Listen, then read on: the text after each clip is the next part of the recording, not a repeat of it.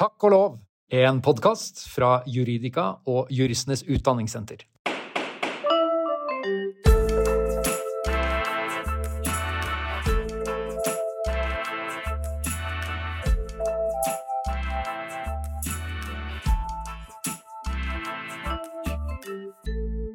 Hei og hjertelig velkommen til nok en episode av Takk og lov, en podkast for deg som lurer på hvordan jussen, og kanskje også juristene, egentlig henger sammen.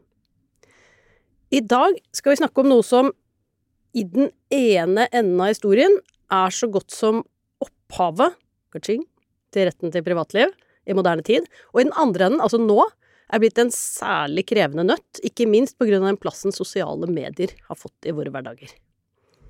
Jeg snakker om hvilken kontroll man har over spredning av bilder av seg selv.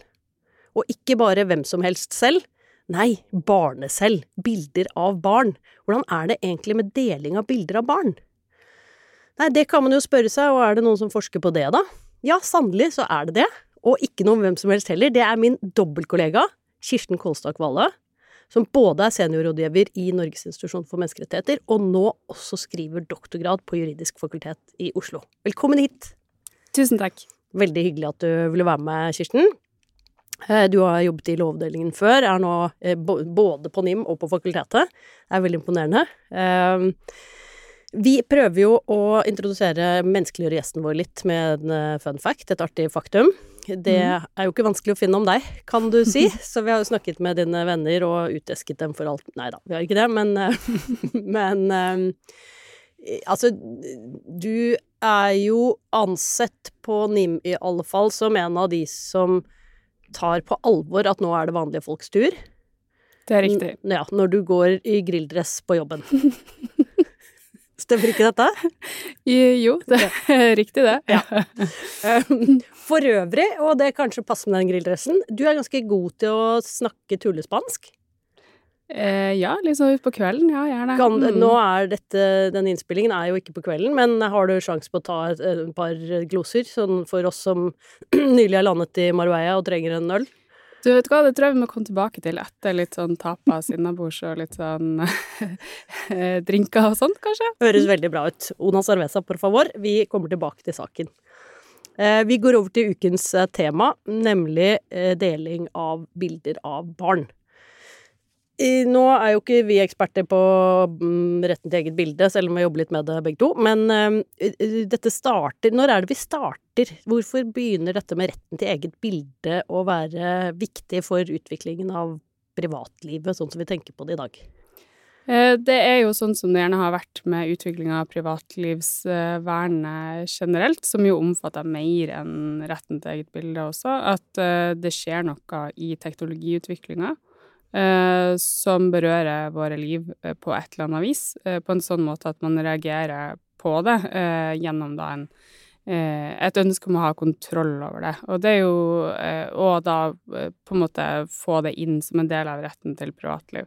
Det som er litt sånn spesielt med retten til privatliv og retten til eget bilde, er jo at det er jo noe som altså første gangen, eller det noe av det mest på en måte kjente og siterte, dette vet jo du veldig godt, Anine, er jo et essay fra 1890 eh, i USA som formulerte den rettigheten på en sånn eh, konkret måte første gangen. Og det var nettopp som en respons på utviklinga av fotografiapparatet og det at man ikke hadde kontroll over bilder over en selv. For da kommer Kodak og blir populært allemannseie, og plutselig finnes det bilder av deg rundt omkring overalt. Mm. Det er jo ganske fascinerende, den følelsen som jo Og det, dette er vel det er, Vi er i 1890, og så er det litt tidligere i England, så er det noen sånne skissetegninger av en prins som mm. også blir spredd rundt. Denne fornemmelsen av hvor tett personligheten er knyttet til ditt eget bilde, mm. har jo vært ganske formativ for utviklingen av tenkningen omkring egentlig hele privatlivsvernet. Ja, det sier jo også Den europeiske menneskerettsdomstol i flere avgjørelser, som sier noe om at retten til eget bilde er noe som på en måte skiller deg fra andre, som, eh, som gir en klar veldig tydelig karakteristikk av hvem du er og din personlighet, på en sånn måte at det har et særskilt vern. Ikke bare er retten til vern mot spredning av bilder beskytta, men også retten til at man skal bli tatt bilde av overhodet, da, som det også finnes praksis om. Ja, nettopp. Eh, den artikkelen Jeg husker jeg leste den Jeg eh, holdt på med en masteroppgave i USA i, tilbake på tusenskiftet omtrent, og skrev eh, Høres veldig pompøst ut nå, da. eh, On the philosophical origins on the right of privacy. Var innom den artikkelen til Er det Warren og Brandis? Warren og Brandis, ja. Harvard Law Review. Ja, nettopp. Fra 1890. Og den åpningen av den artikkelen Jeg skal ta lenke til den i episodeteksten her. Den Når man leser den åpningen, så er det jo som å lese om hvordan kanskje særlig litt eldre eller voksne mennesker utøser seg om nedsidene med sosiale medier i dag. Mm. Men så er den altså skrevet i 1890 og handler om egentlig tabloidpressen Mm. og spredning av bilder Mm. på den tiden, som jo Mm. tross alt var et relativt mye mindre omfang enn det vi står overfor nå. Ikke sant. Mm. Veldig bra. Um, vi, dette med retten til eget bilde når det gjelder barn, hvilke særlige problemstillinger er det som er knyttet til det? Eh, først og fremst så er det jo sånn at barn har jo de samme menneskerettighetene som voksne har. Litt mindre menneskerettigheter, vel? De er jo litt mindre mennesker. Mini-human, mini-rights. Eh, ja, det er jo nettopp det vi prøver å si at de ikke har, da. De har nettopp eh, de- akkurat det samme, og så har de også noen egne. Eh, de fleste kjenner jo Barnekonvensjonen, ikke sant, og så har vi også eh, Grunnloven, som i 2014 fikk en egen bestemmelse, en egen paragraf som handler om barns rettigheter. Eh, som på en måte tar inn over seg de særlige sårbarhetene og de behovet for beskyttelse og kompensering for manglende mm, på en måte Jeg har ikke godt norsk ord for det, agency. Altså på en måte muligheten til å styre autonomt over eget liv, da, så har man utvikla rettigheter for det. Så Ja. de, har, eh, de har da et eget rettighetsvern, Barnekonvensjonen og Grunnloven. De har også de samme rettigheter som voksne etter f.eks. Den europeiske menneskerettskonvensjonen, da, som jo er veldig relevant i denne sammenheng, fordi det finnes så innmari mye praksis fra denne domstolen da, i Strasbourg, som vi snakka mye om. Eh, og de har også sagt det at barn har, også i den relasjonen, har eh, krav på en særlig beskyttelse, da. Altså de er særlig sårbare sårbar eh, på en sånn måte at eh, man må At regler kanskje må tweakes litt, da, sånn at de passer enda bedre for denne gruppa. Sånn at utgangspunktet er rettighetene eh, til barn er på samme måte som andre. Man har rett til privatliv, man har rett til å styre kontroll om seg sjøl. I det ligger også da retten til vern av eget bilde, eh, og den tilkommer også barn. Nettopp. Vi, akkurat. De har de samme rettighetene. Eh, Det forekommer også med de barna jeg har vært borti, i hvert fall, at de påberoper seg ganske stor grad av ytringsfrihet ofte. Ja, det ja, ja, vil jeg tro. Skriker og snakker og Ja, ikke sant? Mm. Holder på med ting. Mm. Um, men også privatliv. Mm. Og det som kanskje er annerledes, for vi kan komme tilbake til å bare flette inn der hvor du føler for uh, de særlige beskyttelsene som barn har, men, mm, men uh, disse menneskerettighetene som barn har, de, ha, de har dem. Mm. Men så er det samtidig sånn at de forvaltes, ikke bare av barnet selv, men av deres omsorgspersoner, er det sånn? Helt riktig. Ja. Eh, og de forvaltes jo tidvis eksklusivt av deres omsorgspersoner, altså ikke av barnet sjøl Hva slags eksempel har vi på det?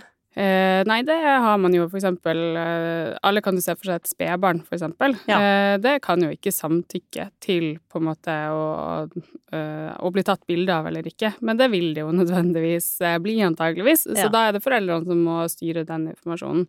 Um, men også det spedbarnet har rett til beskyttelse mot uh, at uvedkommende tar bilde av det, men da er det foreldrene som da må stille seg på en måte i barnets sted og ta den beslutninga på vegne av eh, barnet. Mm, det finnes det også praksis fra EMD på, da. Um, altså at også de helt nyfødte barna har rett til den beskyttelsen, og uten foreldresamtykke så er retten til privatliv brutt, da. Eller kan være brutt. Eh, og det er jo um, For alle oss som er foreldre, så høres jo det ganske rimelig ut at eh, det er vi som er nærmest til å ta de beslutningene som handler om våre barns ve og vel. Um, vi må ta ganske mange beslutninger som gjelder barnets personvern på en eller annen måte. Vi må på en måte opplyse til helsestasjonen om eh, kanskje vektoppgang eller vektnedgang når de er Ikke ja. sant? Ja, ja. Eller man har et utslett man skal få behandla, eller man, eh, man har en utviklingssamtale med skoler eller barnehagen, og man, man avgir masse personopplysninger og deler mellom skole og barnehage osv., ikke sant. Eh, For å ivareta barnets beste, da, eller barnets øvrige rettigheter, så gjør vi dette ganske sånn uten å tenke oss om. Og så samtykker vi til fotografering i skolekatalogen. Eller så gjør vi det ikke, det er jo på en måte litt sånn opp til oss, da, men det er jo veldig mange beslutninger vi tar, og som på mange måter er ganske uproblematisk, da, fordi man, man må ta disse beslutningene. Altså noen må ta beslutninger om eh, barns privatliv, og, og, foreldrene er jo de som kanskje er nærmest til å gjøre det, da. Men så eh, er det jo der det på en måte eh, Der det butter litt, da, der den morsomme jussen ligger, syns jeg, da, er jo der man på en måte kan begynne å stille spørsmålstegn ved hvor langt skal egentlig dette foreldresamtykket gå.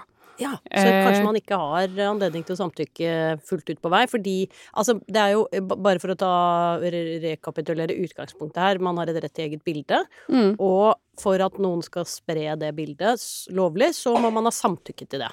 Riktig. Det er, en, det er utgangspunktet. Ja, og mm. det utgangspunktet er jo e-, egentlig verdt å minne om, for det tror jeg veldig mange ja, ja, nå da kanskje har blitt mer oppmerksomhet om det i skolen, i hvert fall. Mm, mm. Men det er jo veldig mange som ikke vet om det, som tar bilder og legger ut på sosiale medier hele tiden. Ikke nødvendigvis av barn, men av hverandre eller andre, eller ja. Absolutt. Jeg har sett uh, hele skoleklasser av bilder i min Facebook-feed som, som, nok ikke burde ha vært der, på en måte så identifisert som de var, ja. for å si det sånn. Mm. Nettopp.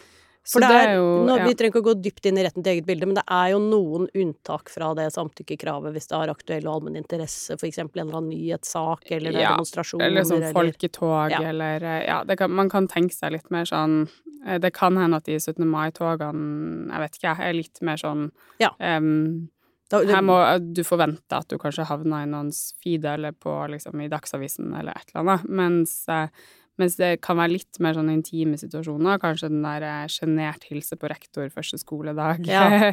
for eksempel, som, som, kanskje vil ikke fanges opp av de unntakene, da. Så nice. utgangspunktet kan du si at er jo da at man, man ikke kan dele bilder av noen andre uten deres samtykke. For barn så vil jo det utgangspunktet være noe som ligger til foreldrene å samtykke, da. Nettopp. Så hvis det ikke gjelder ditt eget barn, så må du spørre i hvert fall foreldrene, vil jo jeg argumentere veldig sterkt for at du også bør spørre det barnet. barnet. Hvor gammelt bør barnet være før du spør? Eh, jeg tenker at du kan spørre veldig små barn om det. Ja. Så lenge de er i stand til å forstå hva det innebærer. Ja. Og de må ikke forstå fullt ut hva Facebook er, eller liksom sånt, da, men det er på en måte Syns du det er greit at jeg sender det her til eh, Hvis du er tanta til noen, da, syns du det er greit at jeg sender dette til bestemor? Ja. For eksempel. Det er noe som barn kan forstå. Så vi har en slags sånn triangulering her, hvor det ene mm, ordet du nevnte, nemlig forventning, nemlig hvilken forventning har vi i ulike situasjoner til at dette er noe vi kan beholde privat, eller mm. styre over selv. Mm. Og eh, i den andre hjørnet kanskje sårbarhet. Liksom, hvor sårbar er du i denne situasjonen, selv om det er på et offentlig sted, så kanskje det er noen andre hensyn som gjør at det er mm. viktig å passe på deg. Mm. Og så er det en eller annen variasjon eller en eller annen utvikling i barnets alder Mm. Som gjør at uh, de fra ganske tidlig av egentlig bør involveres i den, det samtykkespørsmålet som ellers forvaltes av deres foreldre? I barneretten så snakker vi om alder og modenhet. Altså vi knytter de tingene veldig tett sammen. Ja. Vi, eller de av oss som jobber mye med barnerett, vi sier jo vi er veldig opptatt av å styre bort fra alder som et veldig sånn fast kriterium, og mer over på modenhet. Sånn at man får de individuelle vurderingene. Fordi vi utvikler oss i ulik takt. Riktig. Ja. Mm.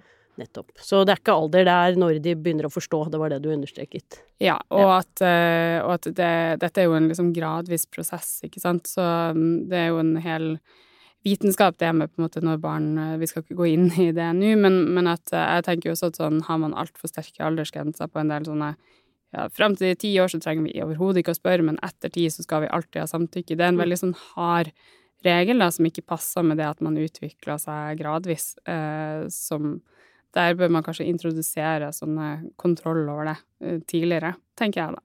Mm. Ja, nå fikk jeg sånn assosiasjon til sånn barnefordeling og sånn hvem Når skal barnet høres? Foreldretvister, mener du? Ja. Mm. For der er det der eh, Er man der gått bort fra faste aldersgrenser og heller over til modenhet, eller? Godt spørsmål. Altså, i utgangspunktet så har det Så er det ikke en fast aldersgrense. Altså, det er en fast øvre aldersgrense, eller hvordan skal jeg si det? Det er en Eh, det er en aldersgrense for når den ubetinga retten inntrer. Altså man, barnet skal høres ja. fra det er syv år, ja. eh, men også når det er yngre barn, når det er eh, i stand til å gjøre seg til å forstå hva saken dreier seg om, da. Så det Men dette jo, var jo en stor diskusjon i barnelovutvalget, blant annet, som jeg jobba tett med, om man skulle beholde denne syvårsgrensen eller ikke. Den, når, eh, når, var det barnelovutvalget jobbet, og hva ble det til? Eh, barnelovutvalget eh, leverte en NOU, som mm. vi kaller det, Norsk offentlig utredning, i 2014, som er til behandling i departementet nå, og skrev da forslag til en helt ny barnelov, um, som er basert på mye av den barneloven vi har i dag, som da altså handler om forholdet mellom foreldre og barn. Det er jo disse klassiske spørsmålene om, ikke sant uh, uh, hvor skal barnet bo, hvor mye samvær skal man ha, hvordan skal saksbehandlingsreglene være når foreldre går fra hverandre og møtes i retten, osv. Eh, men også, det kan jeg jo nevne her, da, at dette utvalget tok jo også opp noen av de spørsmålene som egentlig er tema for denne episoden, altså barnets rett til privatliv, fordi de så da et sånn um, hva skal man kalle det, et lite hull i lovgivninga her. Ja. Fordi det som vi da snakker om nå, dette med at foreldrene alltid kan bestemme i utgangspunktet, eh, kan jo gi opphav til noen eh, noen vanskelige problemstillinger. Og grunnen til at jeg eh, kan litt om dette, er at jeg også jobba med dette utvalget. da, Så jeg var sekretariatsleder for utvalget, så jeg skrev en del av den NOU-en. Nettopp. Si. Det var da mm. du falt det hullet som du nå er i ferd med å fylle. Riktig. Ja, ja det, det henger litt sammen her, da. Eller vet du hva, det er faktisk Det går enda lenger tilbake, jeg gjør det. Jeg har ja. vært liksom opptatt av denne problemstillinga eh, ei stund. I 2010, var det vel, så fikk eh, Norge sånne merknader fra FNs barnekomité, som jo er noe som vi er kjent med, vi som jobber i NIM, altså et sånn overvåkningsorgan i FN som gir liksom eh, Da får man, kommer man opp til eksamen ja. i de forskjellige konvensjonene. Og så eh, fikk da, vi noen anmerkninger med den eksamen? Ja, ja, da fikk vi en ikke så god eksamen på retten til privatliv, kan du si, fordi da hadde de eh, FNs barnekomité allerede Eller da hadde de, ved hjelp av eh, og sånt i Norge, da sett at sånn Her er det noe som ikke er helt eh, greit. Dette med at foreldre driver og deler eh, På den tida lå det veldig mye sånn YouTube-videoer av sånn barnevernssaker, eh, altså der, der barnevernet kom og henta barn, og så filma foreldrene det, og så la de det ut, og så var det på en måte ikke noe noe hjemmel da, til å, til å gjøre noe med det. Så dette sier jeg bare for å liksom understreke det at uh, da denne uh, Da det kom en sak i fjor som handla om en sånn uh, En som hadde lagd en sånn kanal, da, der han delte ganske mye sånn sensitiv barnevernsinformasjon, så var ikke det egentlig en ny problemstilling. Nei. Nei. Jeg syns det er litt ja, man skal være litt sånn Man skal Ja, man må jo følge med litt i tida, holdt jeg på å si, og man Altså, dette har vi visst om en stund, da, ikke sant. Denne teknologien er ikke så ny, egentlig. Nei. Det at man har hatt muligheten til å dele informasjon. Sånn at poenget mitt er bare at uh, her kan man lett havne litt bakpå, da. Hvis man Når man ikke, ikke er på vakt, ja. Det er jo mm. interessant, uh, og det skal vi fortsette å snakke om. Bare uh, den refleksjonen din om at hva er det som fører til det andre? Altså, var det fordi du var sekretariatsleder at du nå skriver dette? Nei, det begynte egentlig før det. Er, mm. Det er jo sånn jeg tror det er jo sånn i hvert fall intellektuelt nysgjerrige mm, arbeidsveier blir til, da. At mm. det ene egentlig tar litt det andre. Det er en tanke som ligger der og har modnet seg litt i mellomtiden. Oi, der kom den opp igjen, og mm. ja. Mm. Um, men det du nevner der, nemlig en uh, Ja, at, at, dette er en, ikke en ukjent problemstilling, og vi burde ha lært av historien og vært litt bedre forberedt. Det, det, sånn tror jeg det er, dessverre, på mange områder. Absolutt. Dette er nok ikke unikt, nei. For det vi egentlig snakker om her, det eller den kanalen du nevnte, som jo er en sånn uh, type uh, Sikkert da veldig velment forsøk på å dokumentere hvor mye galt barnevernet gjør, hvis man mener at de gjør gale ting. Mm. Og så ser man ikke at de virkemidlene man bruker, de har noen kostnader. F.eks. at man eksponerer sårbare barn, og bilder av dem og videoer av dem. Mm. Så kampen er legitim, ytringene er legitim, men uh, noen av virkemidlene er ikke sikkert at uh, egentlig uh, passerer, da. Nettopp. Mm. Og det minner meg om en sak fra et par år tilbake, som kanskje er den eneste høyesterettssaken så langt, som gjelder akkurat den problemstillingen vi snakker om her, nemlig barns rett til eget bilde, og hvor langt foreldrenes samtykkekompetanse egentlig strekker seg. Mm. Du tenker på den saken fra 2019 som vi kaller Facebook-dommen? Facebook-dommen, kan ikke du kort skissere hva den gikk ut på? Jo. Der var det altså en sak der ei mor hadde en kamp mot barnevernet om en omsorgsovertakelse for ei jente som var, var vel sju på det tidspunktet. Og hadde da lagd ei sånn Facebook-gruppe der hun skrev at eh, barnet skal hjem. Eh, der hun delte en del eh, sensitiv informasjon om henne, og en del eh, videoklipp, blant annet, så vidt jeg husker. I hvert fall informasjon som, som Høyesterett ganske fort slo fast at var over terskelen for det som man da ikke kunne, kunne, dele, da, etter den bestemmelsen som dette kom inn under. Fordi dette ble jo da en straffesak. Ja, fordi bare rekapitulere, vi har en ja. bestemmelse i straffeloven paragraf 267 som sier at uh, man har et rett til vern om sitt privatliv, mm. og at hvis andre Privatlivets fred. Ja. Mm. Og hvis andre eh, bryter privatlivets fred ved å utlevere mm. private opplysninger til offentligheten, så kan de straffes. Ja, ved offentlig meddelelse. Ja. Så det var der den saken havna, da, i det sporet, eh, der man fant at hun hadde offentlig meddelt, fordi dette var på en Facebook-gruppe som 5000 personer eller noe sånt hadde tilgang til, eh, opplysninger som var en sånn karakter at de var verna av dette eh, privatlivets fred. Eh, og, der, eh, og så ble det da en konkret vurdering for Høyesterett, eh, som jo måtte komme inn på flere ting når de skulle finne ut om dette likevel skulle straffes. Fordi i jussen så sier vi at vi har en sånn rettsstridsreservasjon. Vi må alltid på en måte tenke oss om når vi bruker straff som virkemiddel. Ja, det er ikke gitt at det er gærent hvis det er mange grunnleggende verdier på spill. Ja. Selv om det står i mm. loven. Eh, og den saken her er jo interessant, fordi den, den kom jo da blant annet inn på dette med ytringsfrihet, altså mors ytringsfrihet, eh, som riktignok ikke ble den største drøftelsen i dette. Og det, eh, det er jo sånn som du er godt kjent med, Anine. Eh, Eh, den avveininga mellom ytringsfrihet og privatliv, som er en av de mest klassiske rettighetskonfliktene vi har. Men eh, så kom den også inn på, det syns jeg var veldig interessant for mitt tema, forholdet mellom både mors samtykkekompetanse og barnets egen samtykkekompetanse overfor dette spørsmålet, da. Ja, for da har vi nettopp du, Ytringsfriheten den kommer inn fordi mor må få lov til å gi uttrykk for sin frustrasjon på den måten hun ønsker, i utgangspunktet. Ja. Men ikke når det går for langt i, utover barnets privatliv.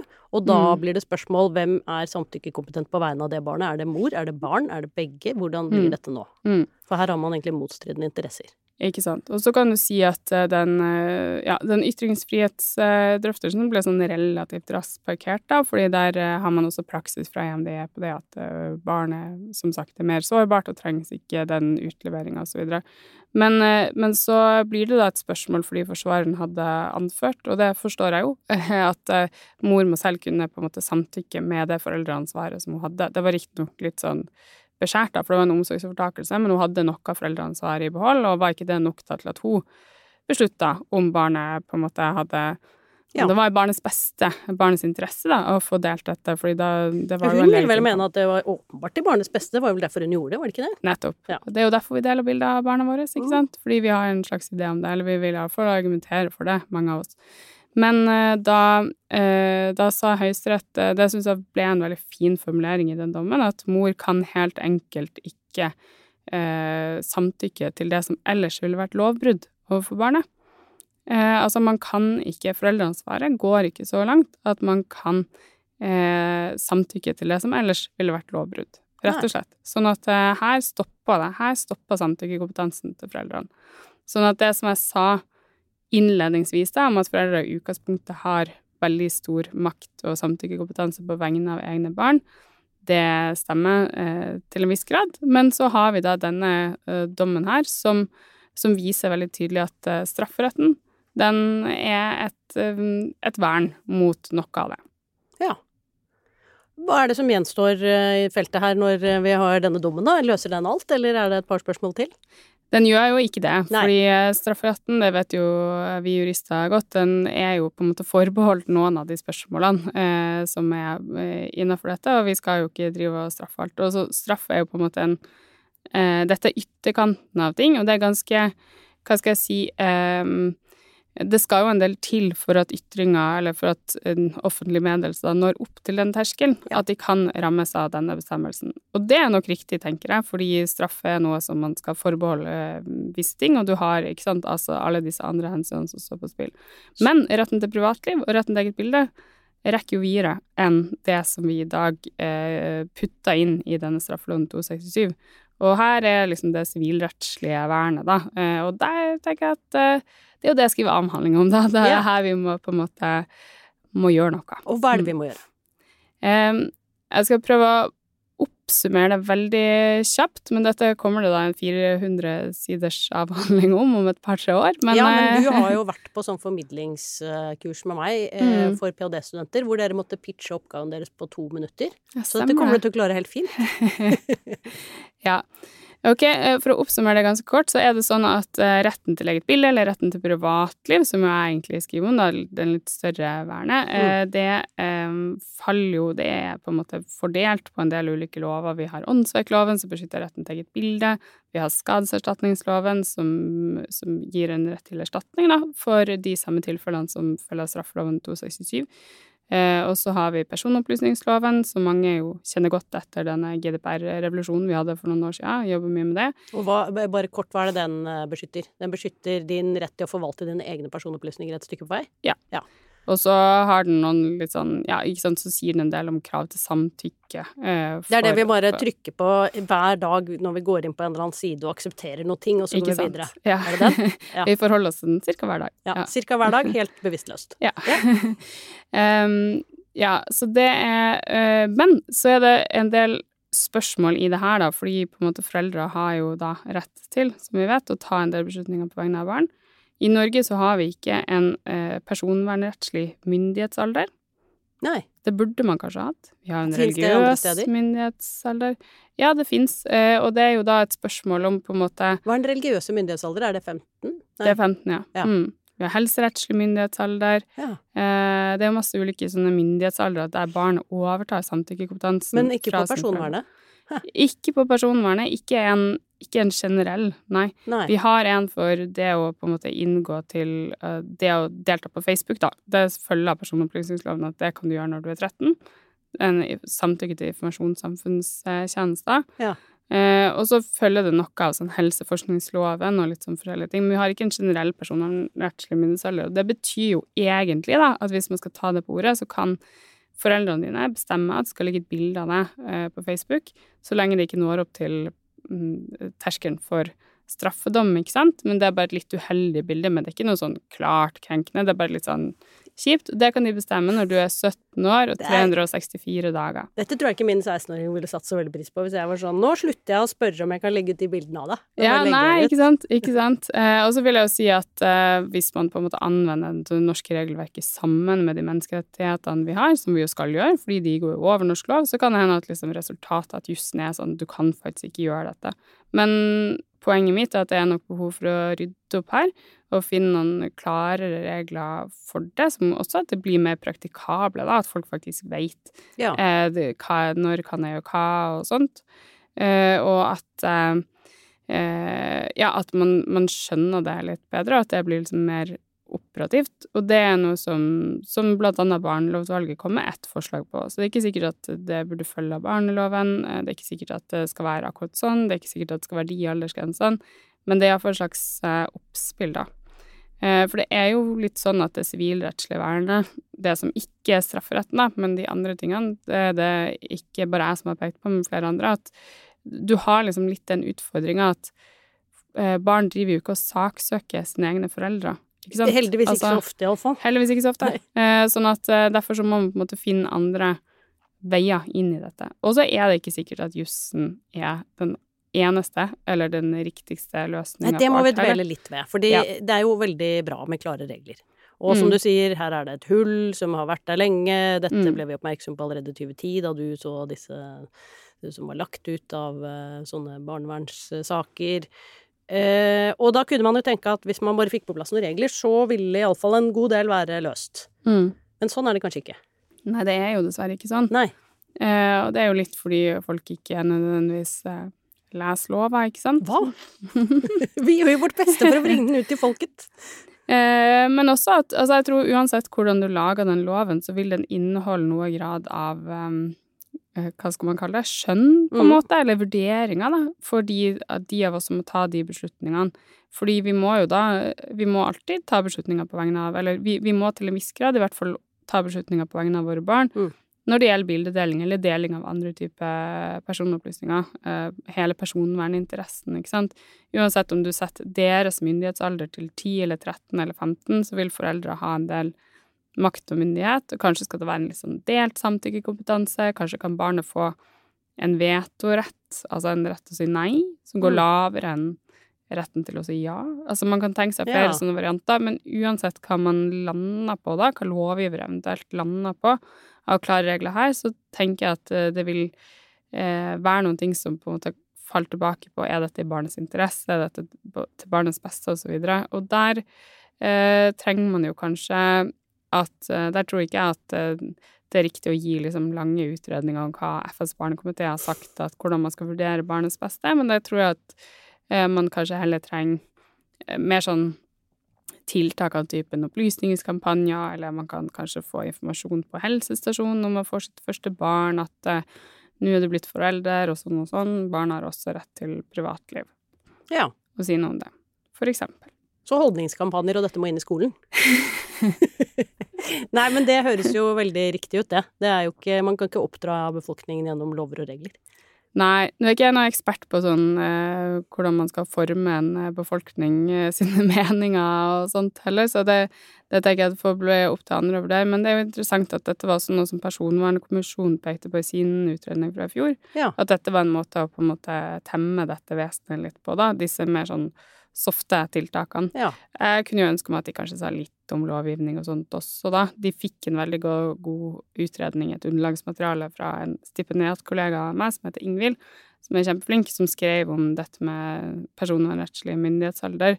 Men de tok liksom ikke ordentlig tak i det selv, da. Men de foreslo dette med holdningskampanjer, Barneombudet kanskje lage en veileder og litt sånt. Så det kan være viktig, det, men kanskje ja takk, begge deler. Ja takk, begge deler. Vi lander på Ole Brumm også her. Det er eh, Selv var vel kanskje ikke det han sa, han sa vel bare ja takk, men det betydde jo begge deler. Um, dette kunne vi jo snakket om i mye lengre, det, og det skal vi gjøre. Fordi jeg skal jo få høre om den avhandlingen din også fremover, det gleder jeg meg til. Eh, Men vi må nesten runde av eh, for i dag. Da inviterer vi alltid gjesten vår til å dele en liten historie. Er det noe du tenker at våre lyttere burde ha hørt? Ja, da kan jeg jo starte med å spørre deg, Anine, om du vet hva en skolenazi er? Du som har jobba litt med den hatefulle ytringa og sånt. En skolenazi, eh, det kan ja, ut fra en kombinasjon av vanlig språkforståelse og den dommen som foreligger om det uttrykket, eh, så vil jeg tro at det er enten en eh, veldig streng lærer eller en elev som jobber ufattelig iherdig med skolearbeidet sitt. Ja, det er rimelige tolkning av det.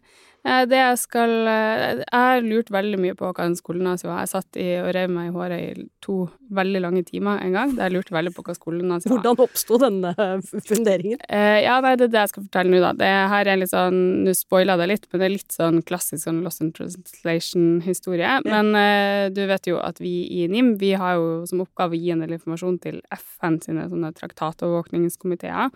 Da gir vi skriftlig Altså disse FNs barnekomité, FNs torturkomité osv. Da gir vi dem masse skriftlig informasjon om hvordan staten har oppfylt disse rettighetene eller ikke oppfylt de.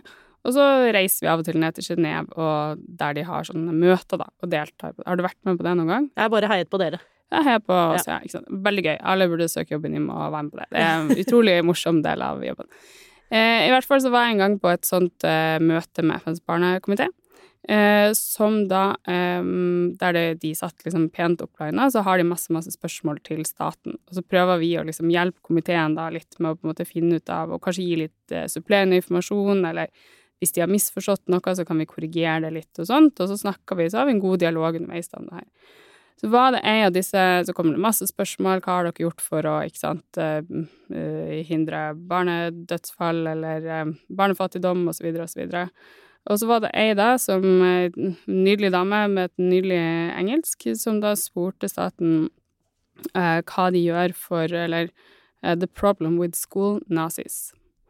Eh, og det Det eh, utbredte skolenaziproblemet i Norge? det utbredte skolenaziproblemet. Og vi satt da og reiv oss i håret. Jeg ble liksom flau. Jeg følte jeg liksom fulgte med godt på barnerettsfeltet ganske lenge, men jeg hadde ikke hørt om skolenaziproblematikken i det hele tatt. Og hun gjentok eh, spørsmålet school, school nazis, school nazis. Eh, problemet med school nazis. Og staten klarte ikke helt å svare for seg, Jeg så at de også klødde seg veldig i hodet og ble veldig usikre. Eh, før det da gikk opp for oss at det å spørre om er school nurses. Å ja, så er det, det Ja, so det var så the, the fint engelsk. the, the, the, lack of school nazis. Ja. det var da vi skjønte det, at liksom Og det er helsesøster, eller hva de heter nå. nå heter helsesykepleier helsesykepleier. Ja. Det var for få av dem. For få, av- for få av helsesykepleierne, ikke for få av nazistene. Skolenaziene. Ja. Nei. Så det var eh, godt at vi fikk rette opp den misforståelsen, for det kunne jo blitt ganske stygt hvis eh, man svarte at liksom, det er ikke noe vi vil ha Vi prioriterer ikke skolen. Vi prioriterer ikke Det, de prøver å få vekk. Ja. Men er det ikke egentlig det de gjør nå, da, med å gi lærerne litt flere virkemidler? Og prøve å innføre litt grann skolenazi? Det for eh, Det får så for din regning. Vi, eh, jeg tror ikke det er det de mente med det, men eh, dette var en veldig god historie, har du hørt? Så takk for den. Eh, jeg skal gå og fundere på hva jeg egentlig legger i ordet skolenazi også fremover. Eh, du, hvis du brukte to timer, så skal jeg prøve å bruke omtrent det samme. Ja, du kan tenke deg hvor fortvila vi var når vi liksom Ja. tenkte at sånn, det her, vi, vi forstår det faktisk ikke. Hvor er de har fått den her innsideinformasjonen? Og er skolene i Norge okkupert av nazister? Hvordan vi svarer vi på dette? Altså, ja. Så for man skal jo ha korrekt informasjon Ja, ja. i disse Så det var godt det løste seg at vi skjønte bare at hun hadde så utrolig pen engelsk Ja. at eh, nurse kan bli til nazi. I know nothing. I'm from Barcelona. Nydelig. Tusen takk skal du ha, Kirsten. Dette var uh, veldig opplysende, og jeg gleder meg til å følge arbeidet ditt videre. Uh, da legger vi Warren og Brandys uh, artikkel eh, sammen med en av dine utmerkede kronikker om dette temaet i episodeteksten. Kult. Og så takker vi dere lyttere for at dere var med oss gjennom nok en episode av Takk og lov, og vi høres igjen i neste uke. Da er det tid for litt reklame. For det du nå, eh, takk og lov, har brukt litt av tiden din på, det er å høre på en podkast som jeg får lov å lage sammen med Juridika og Juristenes Utdanningssenter. Med oss på laget så har jo vi noen av de klokeste hodene i jussens verden, og de hjelper deg med å holde deg faglig oppdatert til enhver tid, og takk og lov for dem!